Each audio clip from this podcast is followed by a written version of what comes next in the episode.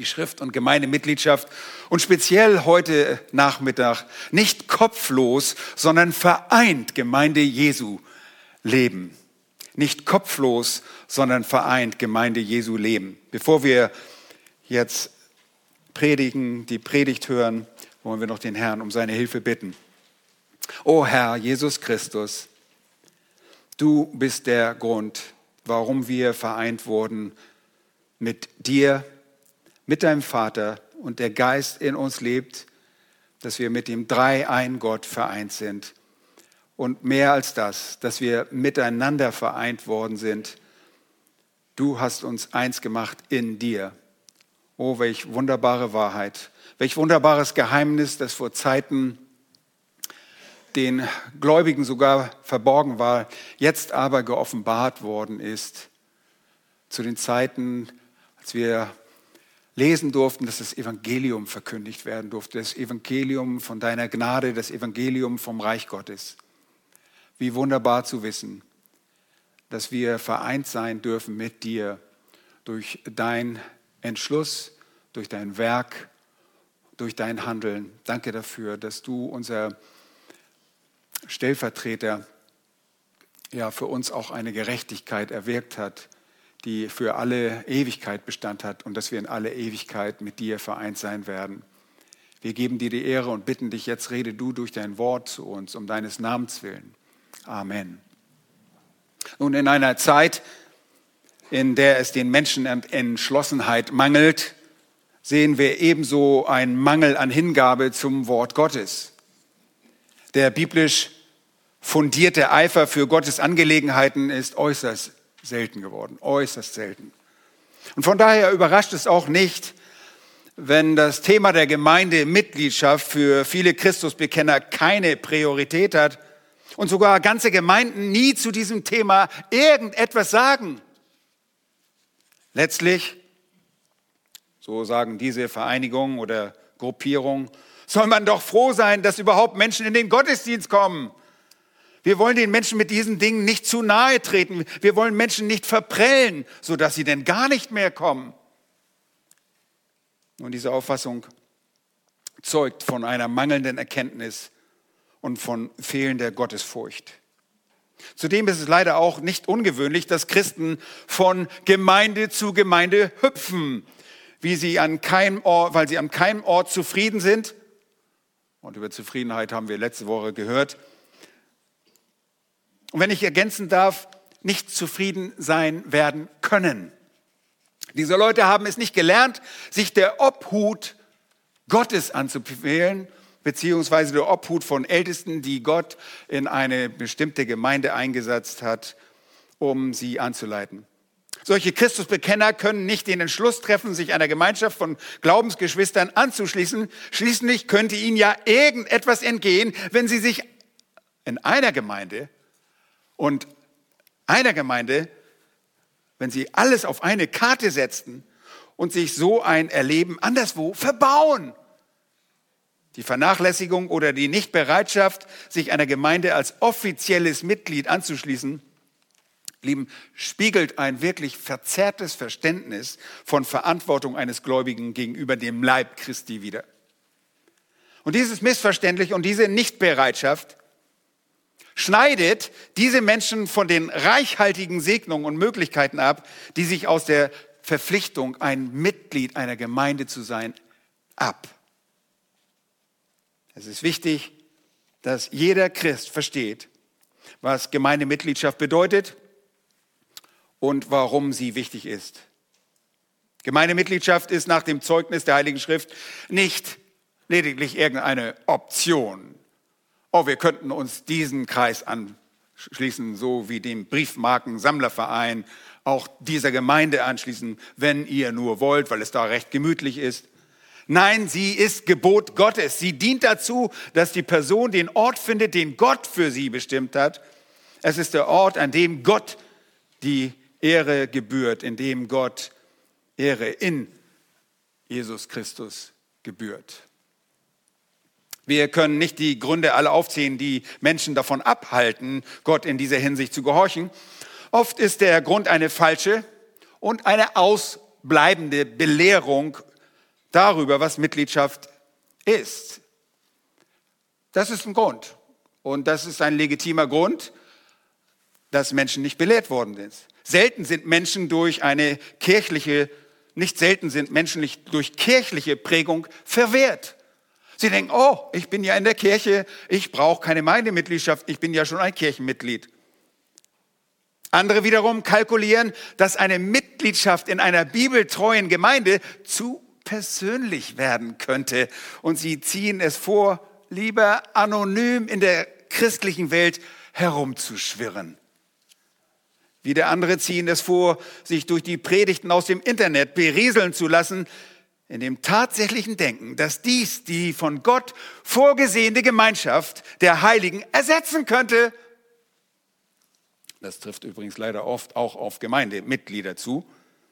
Man zieht es vor, sich bequem auf YouTube die Predigten selbst auszuwählen, um dann mit anderen Gemeindemitgliedern im Wissensvergleich triumphieren zu können. Ich weiß mehr als du. Nun, das stärkt die Einbildung, aber nicht das geistliche Leben. In den wahrscheinlich meisten Fällen handelt es sich bei Christusbekennern ohne Gemeindemitgliedschaft um Menschen, die das Christsein und das Evangelium von Christus nicht verstehen. Sie haben ein religiöses Gefühl, aber sie sind nicht gerettet. Und das ist sehr gefährlich. Nun, lasst mich euch zeigen, wofür der Kopf im Christsein existenziell ist. Ich spreche zunächst einmal von eurem Kopf. Wir wollen nicht kopflos, sondern vereint Gemeinde Jesu leben. Kopflos steht eigentlich für Leute da, die verwehrt sind. Nun, viele Menschen sind in Bezug auf Gemeindemitgliedschaft völlig verwirrt. Wir brauchen unseren Kopf, um zu bedenken, erstens, die biblisch-theologische Grundlage der Gemeindemitgliedschaft. Das wollen wir aus der Schrift sehen. Was ist die Grundlage dafür, dass wir vereint sind? Die biblische Grundlage wird ersichtlich in dem Thema der Erlösung. Das ist ein weitreichendes, umfang, umfassendes Thema. Die Erlösung erstreckt sich von der Ewigkeit her bis in die kommende Ewigkeit. Die Erlösung gibt uns einen Panoramablick auf das Wirken Gottes. Und wenn ein Mensch von seinem Ehrweg und dem Weg der Versklavung von Sünde erlöst wird, dann nur weil Gott ihn dazu bestimmt hat und Gott ihn gesegnet hat. Und ihr Lieben, ich führe es noch aus, auch wenn das einige gar nicht gerne hören, weil Gott erwählt hat weil Gott erwählt hat. Oh, Gott erwählt, das hört sich ganz gefährlich an. So ist es. Und so sagt es die Schrift. Wir wollen deshalb unseren Fokus auf die grundlegende Wahrheit des von Gott erlösten Menschen legen. Ein Mensch wird bei seiner Erlösung, bei seiner Errettung mit Gott versöhnt und als Kind Gottes vom Heiligen Geist, bewohnt. Und die Aneignung der Erlösung geschieht durch den von Gott geschenkten Glauben an sein stellvertretenden, äh, stellvertretendes Sühneopfer auf Golgatha. Die Notwendigkeit der Erlösung und der damit verbundenen Versöhnung mit Gott ergibt sich daraus, dass wir in einer gefallenen Welt leben, in der buchstäblich alles aus den Fugen geraten ist und auch der Mensch ist von Gott durch die Sünde entfremdet und von Natur aus ein Kind des Teufels und des Zornes. Der Mensch ist von Natur aus ein Sklave der Sünde und braucht Erlösung. Und die Schrift zeigt uns ein großes Geheimnis der Vorzeit auf, nämlich, dass alle wahrhaftig Gläubigen schon vor Beginn der Welt mit Christus vereint wurden. Oh, das hört sich mystisch an tatsächlich. Man hat das auch die mystische Einheit mit Christus genannt. Die mystische Einheit mit Gott. Diese Vereinigung der Gläubigen führte dazu, dass wir in Christus gesegnete Menschen sind. Durch Abrahams Same. Christus. Alle Gläubigen und zum Heil bestimmten Menschen wurden bereits vor Grundlegung der Welt mit Christus vereint. Nun, vielleicht überrascht euch das. Zugegeben wird das nicht sehr häufig gepredigt und diese Lehre wurde auch sehr vernachlässigt im Laufe der Jahrhunderte. Aber dazu möchte ich euch bitten, dass wir, um das aus der Schrift zu sehen, denn wir reden jetzt von einem schriftlichen Beweis dafür, den Epheserbrief aufschlagt, den ich für vor 20 Jahren, vor über 20 Jahren einmal gepredigt habe in dieser Gemeinde und viele waren nicht dabei. Susi war noch in Windeln, ja, und äh, nein, die war schon aus den Windeln, als sie kam. Jedenfalls äh, vor 20 Jahren und ich habe einfach geschaut in das, was ich hatte und was ich gepredigt habe und und ich habe gedacht, oh, ich weiß, ich, ich könnte so viel mehr sagen. Ich weiß gar nicht, wie soll ich das heute nur in einer einzigen Predigt zusammenfassen. Aber geht einmal zu diesem bekannten Satz aus dem Epheserbrief, gleich zu Beginn dieses Briefes des Paulus, Apostel Paulus an die Epheser, wo Paulus Gott preist. Vor den lesenden Augen der Empfänger des Epheserbriefes in Kapitel 1, die Verse 3 bis 4. Übrigens der, der Satz 3 bis 14 im Griechischen ist ein einziger Satz. Epheser 1, 3 bis 14. Und dort heißt es in den Versen 3 bis 4, gepriesen sei Gott und Vater, der Gott und Vater unseres Herrn Jesus Christus, der uns gesegnet hat mit jedem geistlichen Segen in der himmlischen, in den himmlischen Regionen in Christus, wie er uns in ihm auserwählt hat, vor Grundlegung der Welt, damit wir heilig und tadellos vor ihm seien. Diese beiden Verse könnten eine Predigt für sich jetzt füllen. In diesen beiden Versen und den nächsten zwei Versen aufgeführten Dingen spiegeln sich Gottes erlösender Ratschluss wieder der in den Versen 5, Vers 6 noch genauer beschrieben wird, noch präzisiert wird und erweitert wird.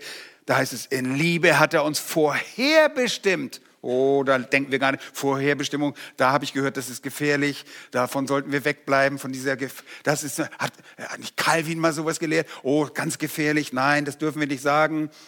Doch, Paulus sagt, er hat uns vorherbestimmt zur Sohnschaft für sich selbst durch Christus nach dem Wohlgefallen seines Willens zum Lob der Herrlichkeit seiner Gnade, mit der er uns begnadigt hat in dem Geliebten. Hier beginnt deine und meine Geschichte.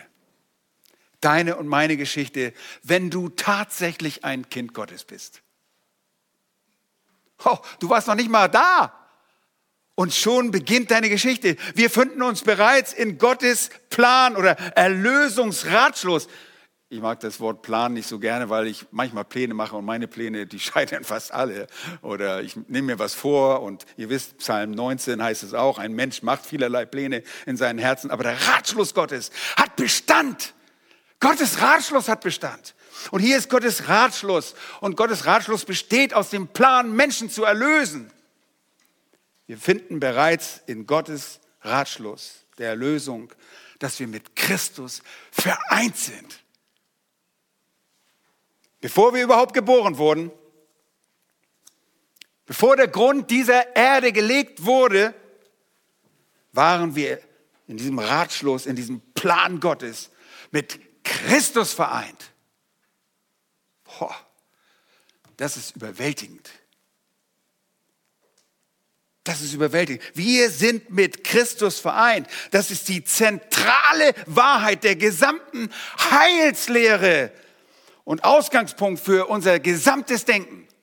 Wir als Kinder Gottes sind vor Grundlegung der Welt mit Christus vereint worden. Nun gebrauche deinen Kopf. Und wie machen wir das? In Anlehnung an die Schrift. Das sind geistliche Wahrheiten. Die findest du nicht in der Bildzeitung oder in irgendeiner Enzyklopädie. Das, nein, nein, das sagt die Schrift. Das ist Gottes Weisheit, Gottes Wahrheit. Und das ist die absolut zentrale Wahrheit der gesamten Heilslehre. Wir wissen aus der Schrift sogar, dass wir auch mit dem Vater vereint sind. Mehr noch, dass wir alle miteinander vereint sind. Habe ich euch nicht gerade darüber vorgelesen aus Johannes 17, dass Jesus betet für unsere Einheit, dass wir vereint sind mit ihm, wie der Vater und der Sohn vereint sind. Und der Vater und der Sohn, die sind eins. Und wenn wir mit Christus vereint sind, sind wir sogar mit Gott vereint. Die Schrift gebraucht viele Metaphern, um die Vereinigung, das Wesen der Vereinigung darzustellen. Sie spricht von dieser Vereinigung der Gläubigen in dem Bild des Tempels oder der Genoss, Hausgenossen, dass wir Gottes Hausgenossen, wir gehören zu Gottes Familie.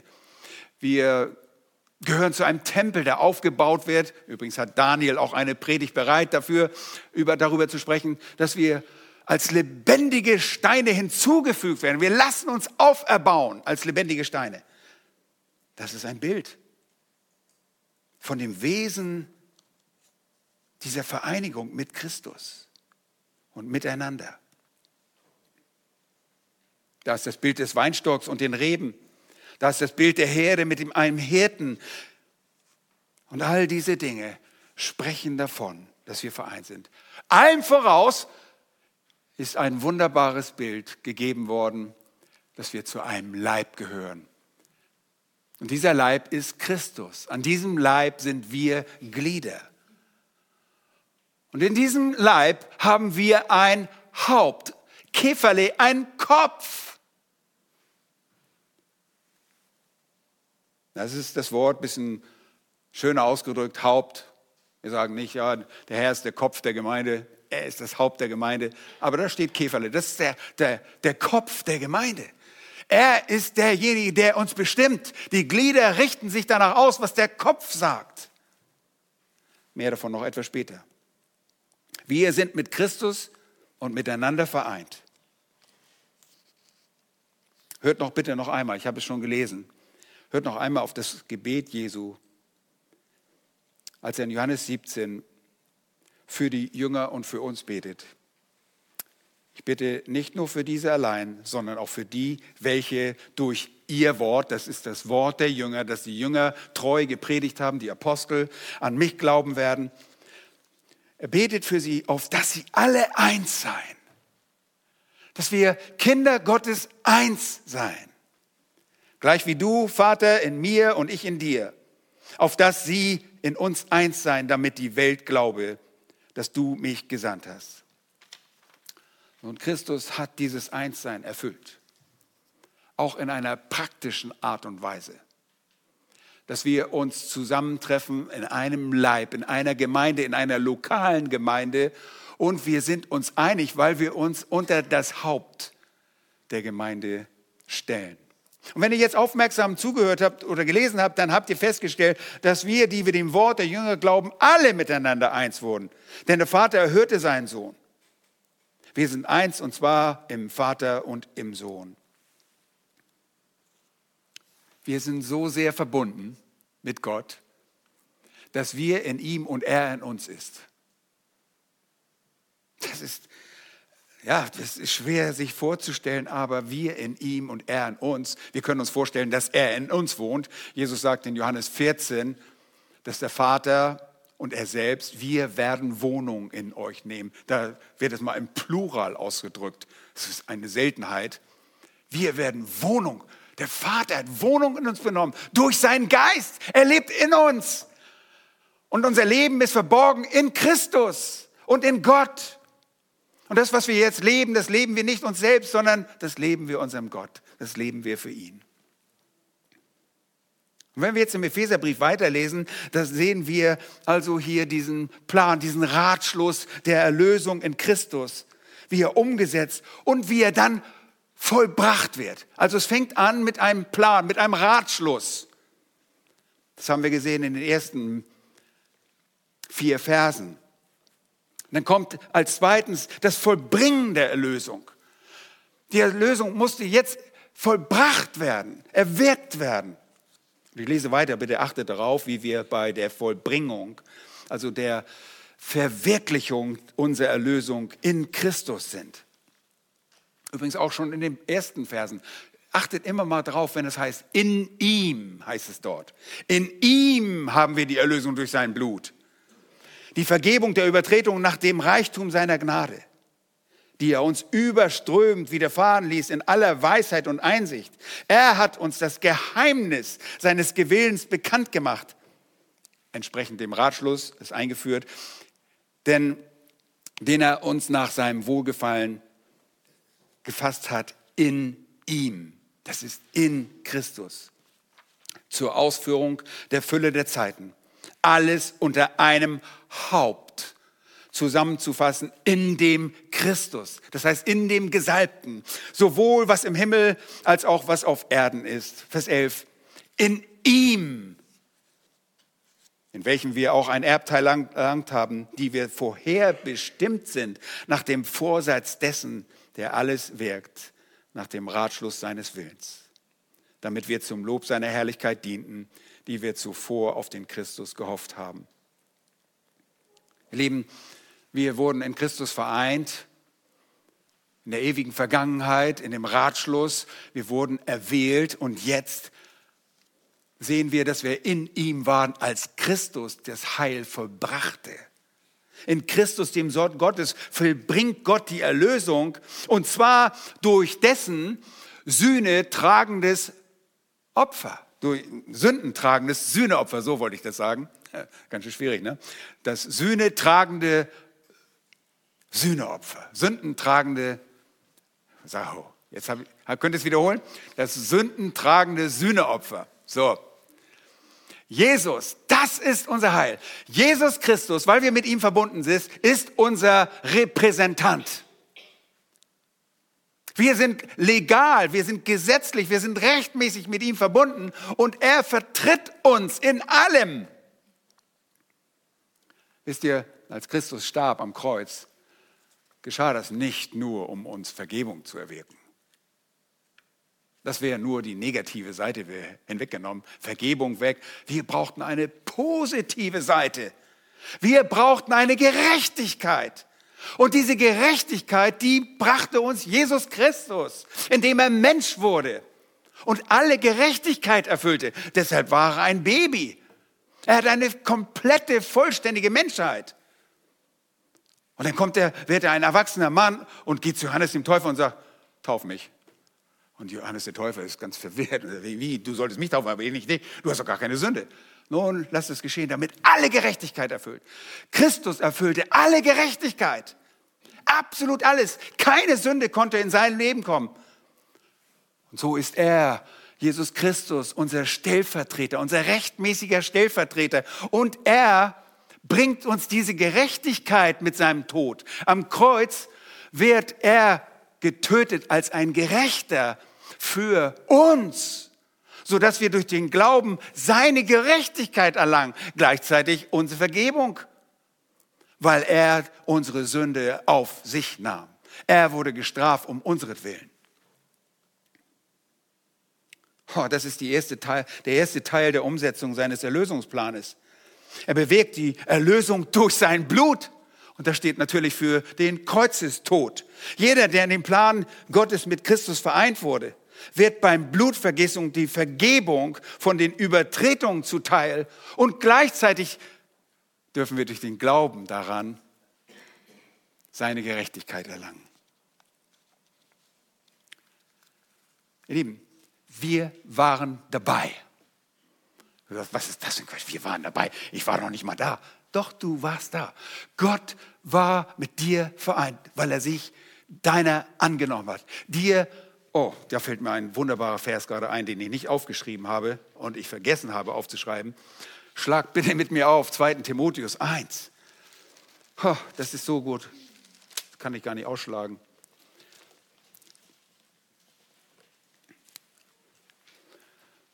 Seht mal, er hat uns 2. Timotheus 1, Vers 9.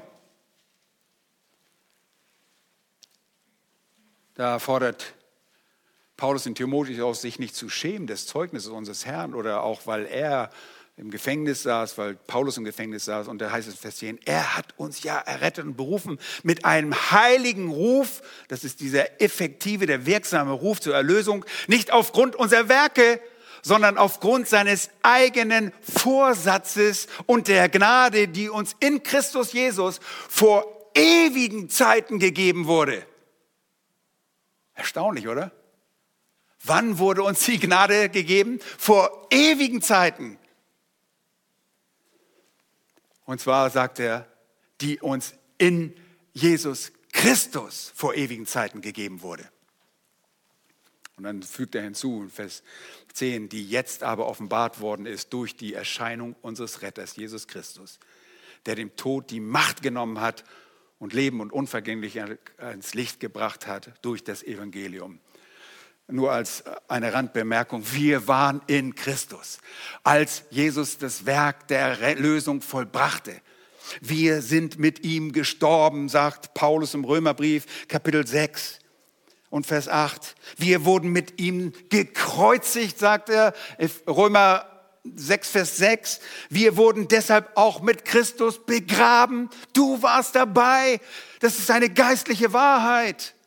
Du wurdest mit ihm begraben und deshalb wurdest du auch mit Christus auferweckt.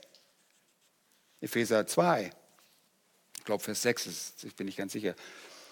Oder 5. Wir wurden deshalb auch. Lassen wir uns das so gucken, wir sind doch in Epheser. Vers, Vers 6, ja.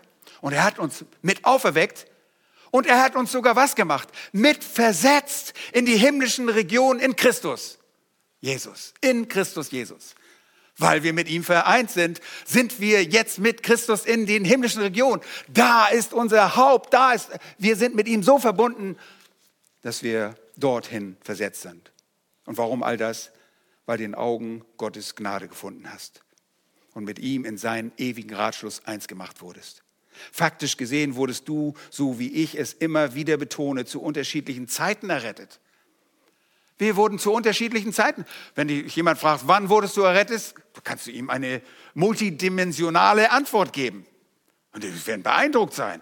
Ja, ich wurde gerettet vor Grundlegung der Welt. Ist das richtig? Ja. Denn Jesus hat dich damals schon, der Gott hat dich schon damals begnadigt.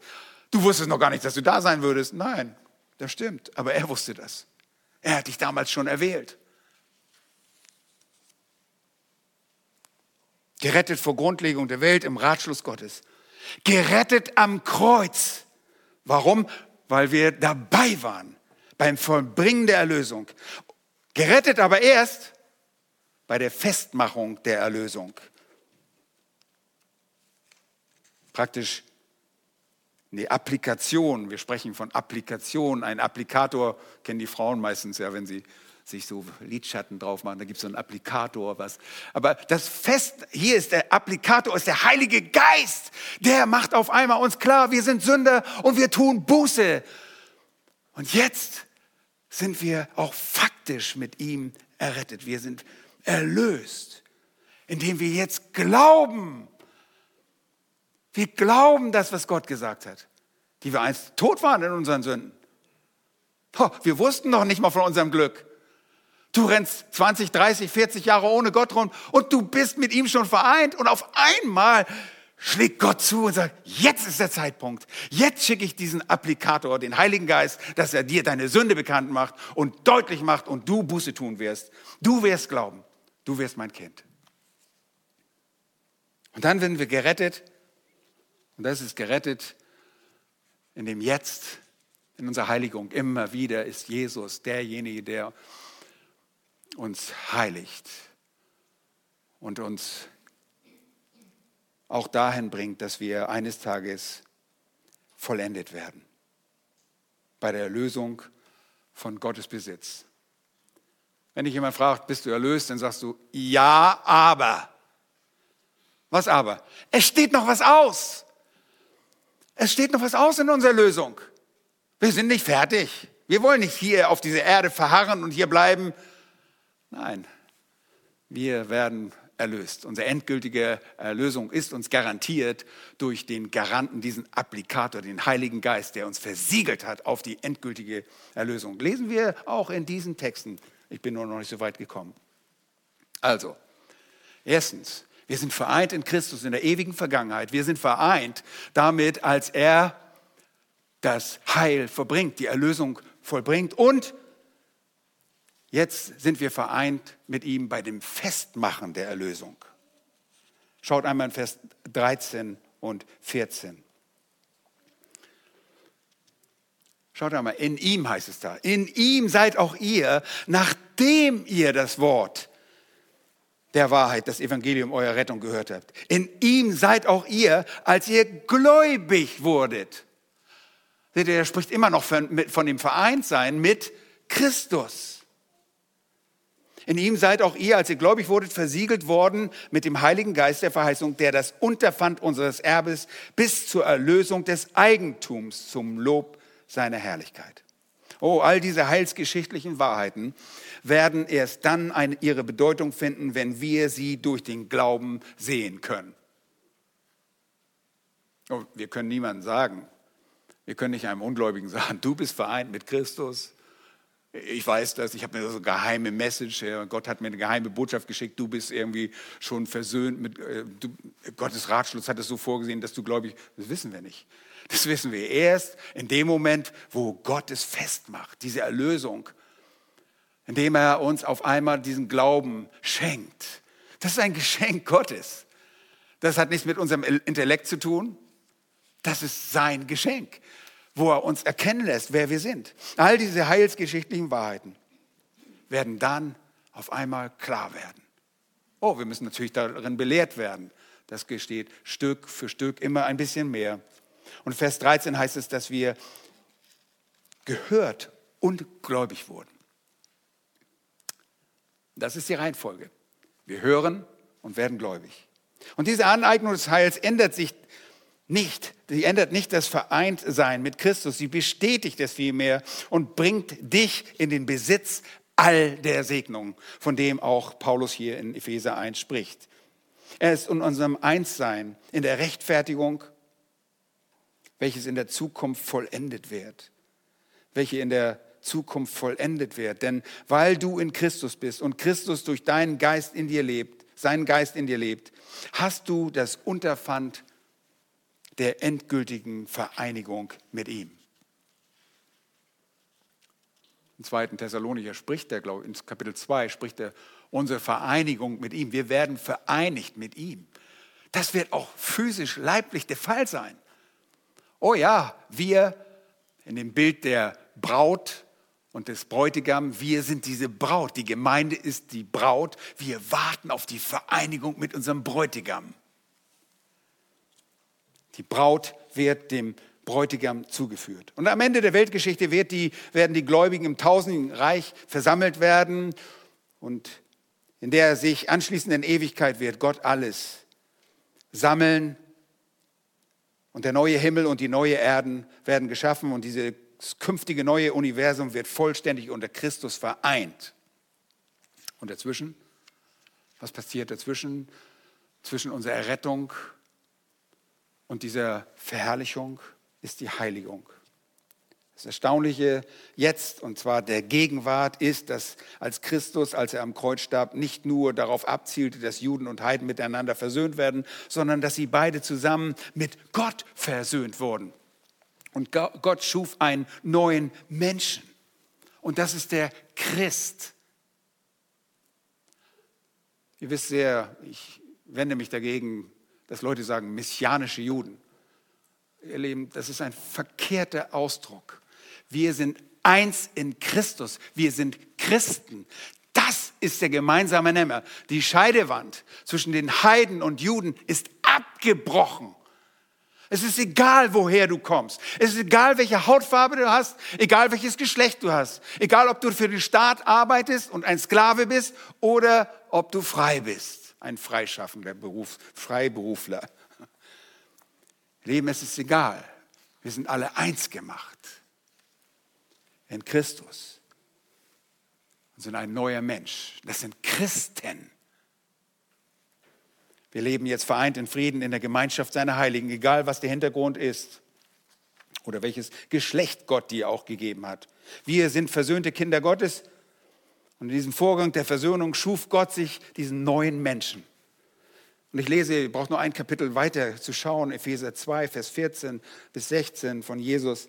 Er ist unser Friede, der aus beiden eins gemacht hat und die Scheidewand des Zaunes abgebrochen hat. Vers 15 in Kapitel 2. Indem er in seinem Fleisch die Feindschaft, das Gesetz der Gebote in Satzungen hinwegtat, um die zwei, nämlich Juden und Heiden, in sich selbst zu einem neuen Menschen zu schaffen und Frieden zu stiften. Und um die beiden in einem Leib mit Gott zu versöhnen durch das Kreuz, nachdem er durch dasselbe die Feindschaft getötet hatte. Seht ihr, nebst dem Juden und dem Heiden gibt es jetzt einen dritten Menschentyp. Ja, ihr habt ganz recht gehört, dieser Typ von Mensch erscheint als Neuschöpfung auf der Bildfläche des Erlösungsplanes Gottes. Das ist der Christ. Das ist der Christ. Und der Christ, der mit Christus vereint ist, der auch zusammen mit anderen Gläubigen zusammengefügt wird, wird in einen Leib eingefügt.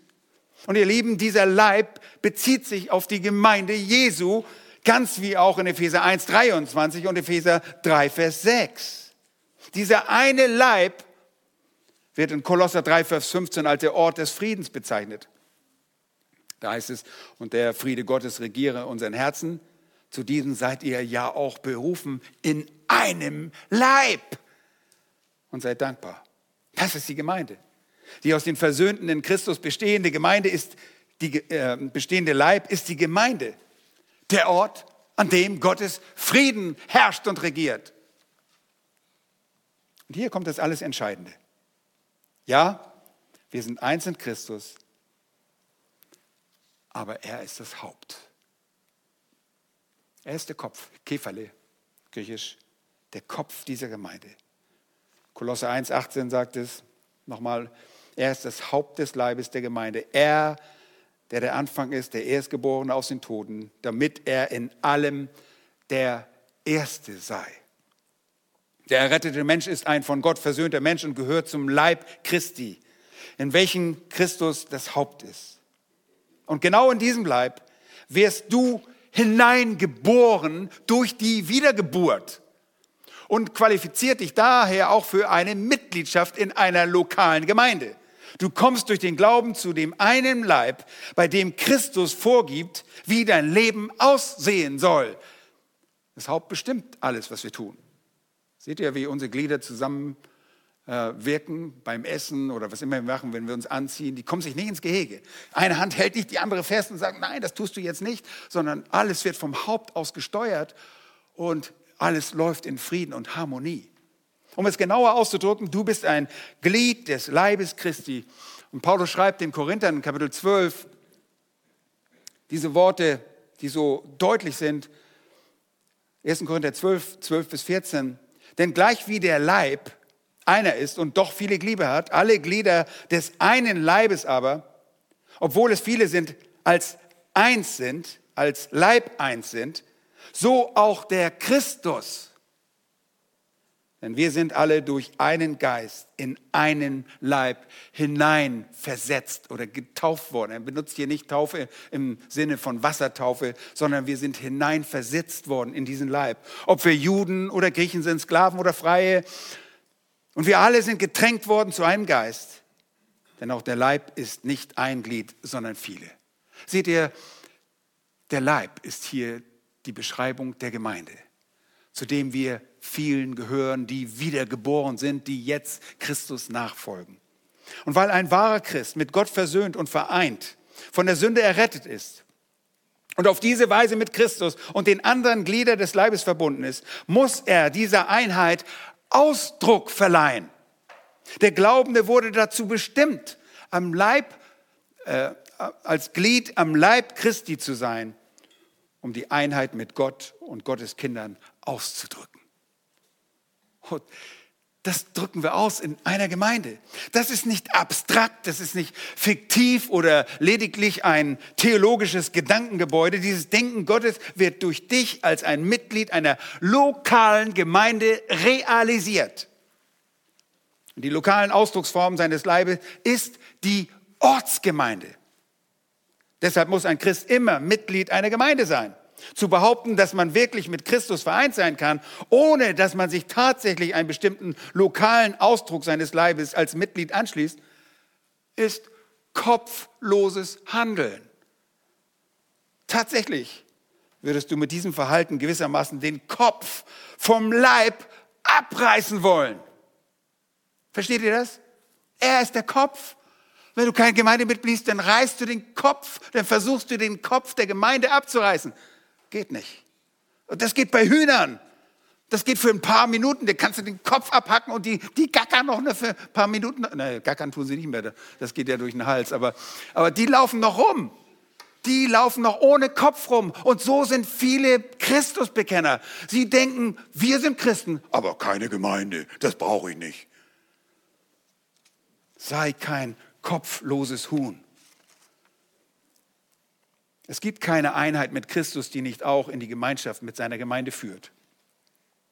Ihr Lieben, dem Neuen Testament ist völlig unbekannt, dass ein, es ein unabhängiges Christsein gibt. Wenn du damals einen Christen gefragt hättest, ja, du bist jetzt zum Glauben gekommen, gehörst du auch zur Gemeinde? Dann hätte er dich komisch angeguckt. Dann hätte er gefragt, hä, hä, hä, glaubst du, dass der Regen Wasser gebracht hat?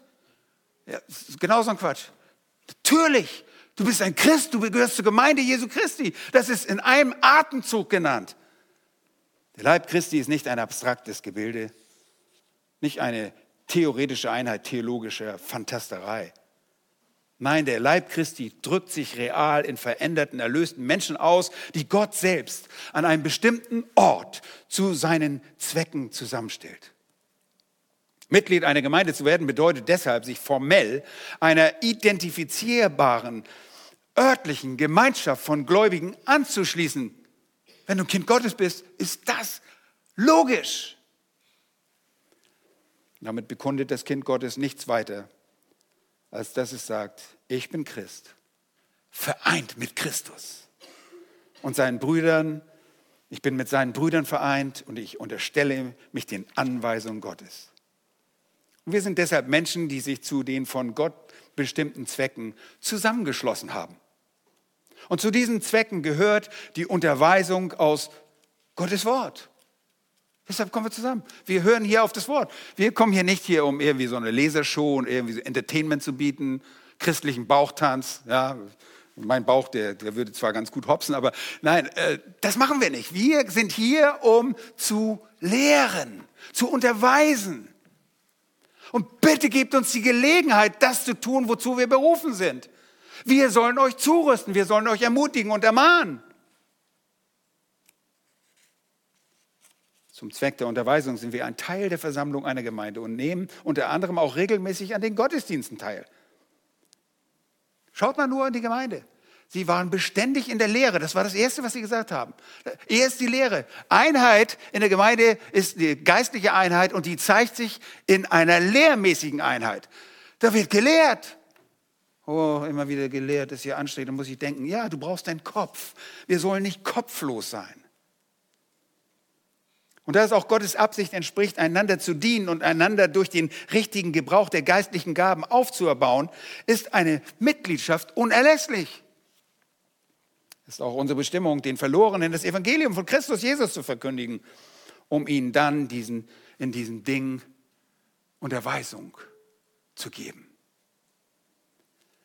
Wenn nun jemand ein Mitglied einer Gemeinde wird, dann unterstellt er sich gleichzeitig auch der Fürsorge und der Autorität einer biblisch qualifizierten Ältestenschaft, die der Heilige Geist über seine Gemeinde eingesetzt hat. Und ich muss hier ein bisschen abkürzen. Das ist nur ein einziger Punkt. Nur ein Punkt, ja, ich weiß, ich bin jetzt bei Punkt 1. Äh, die anderen Punkte sind wirklich kurz, das verspreche ich auch. Ihr seht, das ist nur ein eines Ausdrucksform ist der Leib Jesu Christi. Wir können, Daniel spricht über den, den, das lebendige, das geistliche Haus, zu dem Gott aus, uns auferbauen will. Wir sind lebendige Steine, werden da eingefügt in einen festen Bau. Und Steine, die laufen auch nicht irgendwo mal dahin und sagen, oh, morgen gehe ich woanders hin. Ja, morgen steck mich mal da rein. Nein, wir sind Gemeinde für den Zweck, ihn zu verherrlichen weil wir mit ihm vereint sind und miteinander. Und ihr Lieben, wir reden oft von einer persönlichen Beziehung zum Herrn. Wir haben eine kollektive Beziehung zum Herrn. Eine gemeinschaftliche Beziehung zum Herrn. Wir sind eine Gemeinde. Gemeinden wurden gemeinschaftlich angesprochen. Der Gemeinde zu Korinth, der Gemeinde in Kolossee. Da wurden ganze Gemeinden angesprochen. Und lass mich, das ist die biblische theologische Grundlage, Punkt 1 von vielen Punkten der Gemeinde in wenigen Worten zusammengefasst. Der zweite Punkt ist die praktisch vorbildhafte Grundlage der Gemeindemitgliedschaft. Und obwohl die Heilige Schrift kein ausdrückliches Gebot enthält, und das habe ich immer wieder in Gesprächen, ich habe den Vers nicht gefunden, wo steht, dass, dass man Gemeindemitgliedschaft, das Wort habe ich nicht gefunden in meiner Konkordanz. Nun, dass man, da gibt es nicht, das stimmt, das steht da nicht so. Da stehen aber viele andere Sachen nicht genau so. Und trotzdem wird es sehr deutlich, dass das etwas ist, was das ganze Neue Testament lehrt. Älteste Hirten, Aufseher und Gläubige aller bibeltreuen Gemeinden haben das im Laufe der Geschichte der Gemeinde Jesu immer erkannt, dass dies ein verpflichtendes, verpflichtender Schritt ist, sich einer Gemeinde verbindlich anzuschließen. Und dieses biblische Fundament ist das Einzige, was uns wirklich interessiert. Uns interessiert sowohl die biblisch-theologische Grundlage als auch die praktisch vorbildhafte Grundlage der Gemeindemitgliedschaft, das Zeugnis der Christenheit. Und wir schauen hinein in die Schrift und die Gemeinde wächst.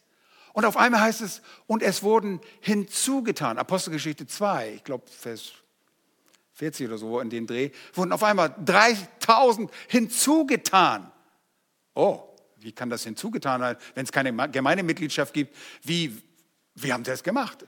Haben die einfach nur geraten? Nein, die haben gezählt. Die wussten, wer zur Gemeinde gehörte und wer nicht zur Gemeinde gehörte. Da gab es Besucher, da gab es solche, die waren noch nicht so weit, da gab es Ungläubige dabei, aber sie wussten genau, wer dazugehörte.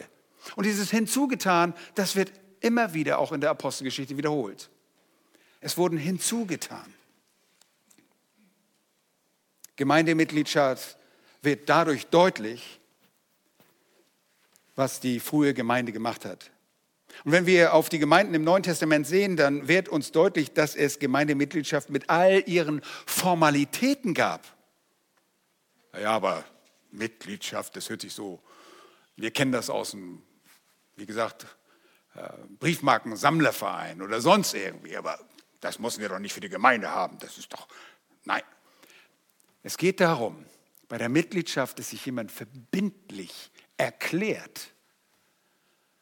Weil in einer Gemeinde gibt es auch bestimmte Dinge, die zu beachten sind. Wir sollen nämlich Menschen, die in der Gemeinde in ihrer Sünde verharren, aus hinaustun. Hinaustun aus was? Aus diesem Kreis, diesem verbindlichen Kreis. Wenn wir vielleicht feststellen, dass vielleicht jemand gar kein Christ ist und manchmal zeigt sich das erst nach ein paar Jahren. Manchmal geht das sehr schnell, dass Menschen auf einmal kennen, oh, ich bin, das will ich gar nicht. Das habe ich nicht gedacht, dass es sowas ist, dass ich mich in der Gemeinde Christus unterordnen muss. Nun, dann werden Menschen hinausgetan. Der Sauerteig wird ausgefegt. Wir müssen die Sünde austun, weil sie um sich frisst, wie ein Geschwür. Sie ist wie der Sauerteig, der einen Teich durchsäuert.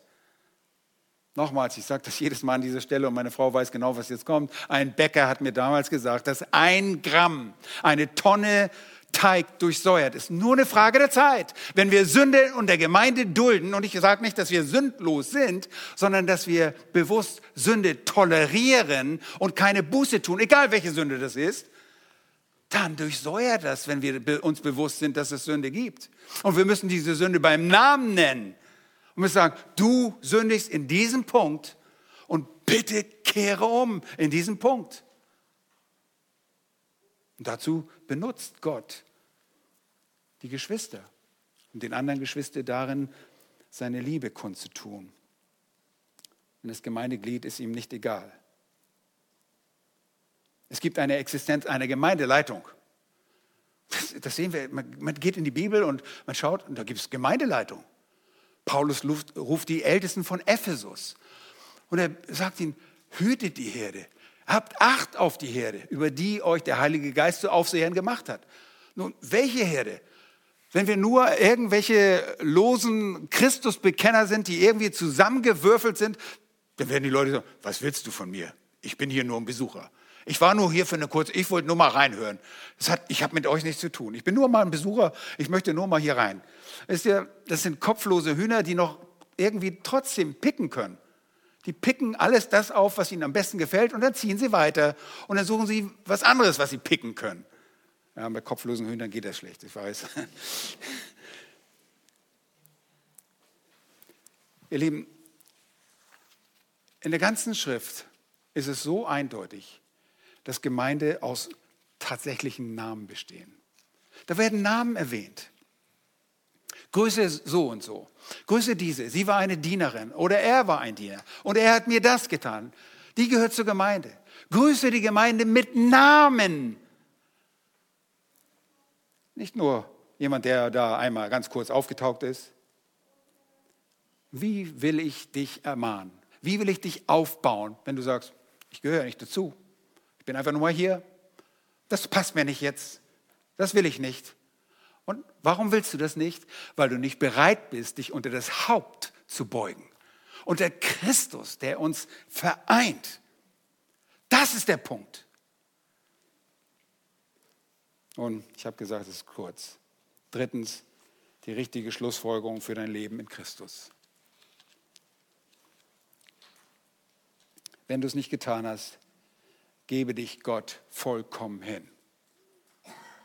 Gib dich nicht mit irgendwelchen christlichen Tänzen. Tanz von einer zur anderen Gemeinde. Gib dich nicht damit zufrieden. Lebe nicht ohne den Kopf. Und das bedeutet nochmal zum einen, bedenke. Bedenke die Wahrheiten, die Gott uns in Christus geoffenbart hat. Wisst ihr, das ist wirklich ein Geheimnis gewesen. Paulus sagt, dieses Geheimnis ist uns jetzt offenbart worden. Geheimnisse sind ja keine Geheimnisse, wenn wir es wissen. Sie waren Geheimnisse vor Zeiten. Im Alten Testament haben die Propheten zum Beispiel geforscht, auf welche Zeit der Geist des Christus, der in ihnen war, deutete. Von, wenn, wenn sie von dem Leiden des Christus lesen, gelesen haben, dann, dann haben sie sich gefragt, worauf, worauf zielt das ab? Nun, wir wissen es jetzt. Uns ist das offenbart in dem Evangelium. Wir kennen dieses Geheimnis, dass wir schon vor Grundlegung der Welt mit ihm vereinigt waren. Das ist wunderbar. Deshalb denke an die Wahrheiten. Zum anderen bedeutet es, reiß dem Leib Christi nicht den Kopf ab, indem du dich von der bewussten Mitgliedschaft einer Gemeinde fernhältst. Und das bedeutet letztlich nur, dass du entweder noch nicht gerettet bist nicht richtig denkst oder nicht richtig denken willst. Schließe dich einer bibeltreuen Gemeinde an und ich sage nicht, dass es diese Gemeinde vor Ort sein muss, aber schließe dich einer bibeltreuen Gemeinde an. Denn die Gemeinde ist die Ausdrucksform des Leibes Jesu Christi, eine Ortsgemeinde. Gott hat es nie vorgesehen, dass wir als Christen irgendwo in unserer Freiheit, irgendwo überall dabei sein sollen. Und übrigens auch Vereinigungen, andere Vereinigungen, christliche Vereinigungen und Gesellschaften sind nicht die Gemeinde. Die Gemeinde besteht aus dem, was Gott gesagt hat, dass Gemeinde ist. Es gibt so viele nebengemeindliche Organisationen, die vielleicht auch gute Dinge tun, aber sie sind nicht Gemeinde. Schließe dich einer Gemeinde an. Schließe dich einer bibeltreuen Gemeinde an, denn das ist die Ausdrucksform des Leibes Christi. Und darin werden die geistlichen Wahrheiten sichtbar. Und wir werden zum Licht für die verlorene Welt. Wir stellen in der Gemeinde die mannigfaltige Weisheit Gottes dar. Ich brauche nur weiterlesen, Epheser 3. Und das sogar für die Wesen der uns nicht sichtbaren Welt, die Engelwesen.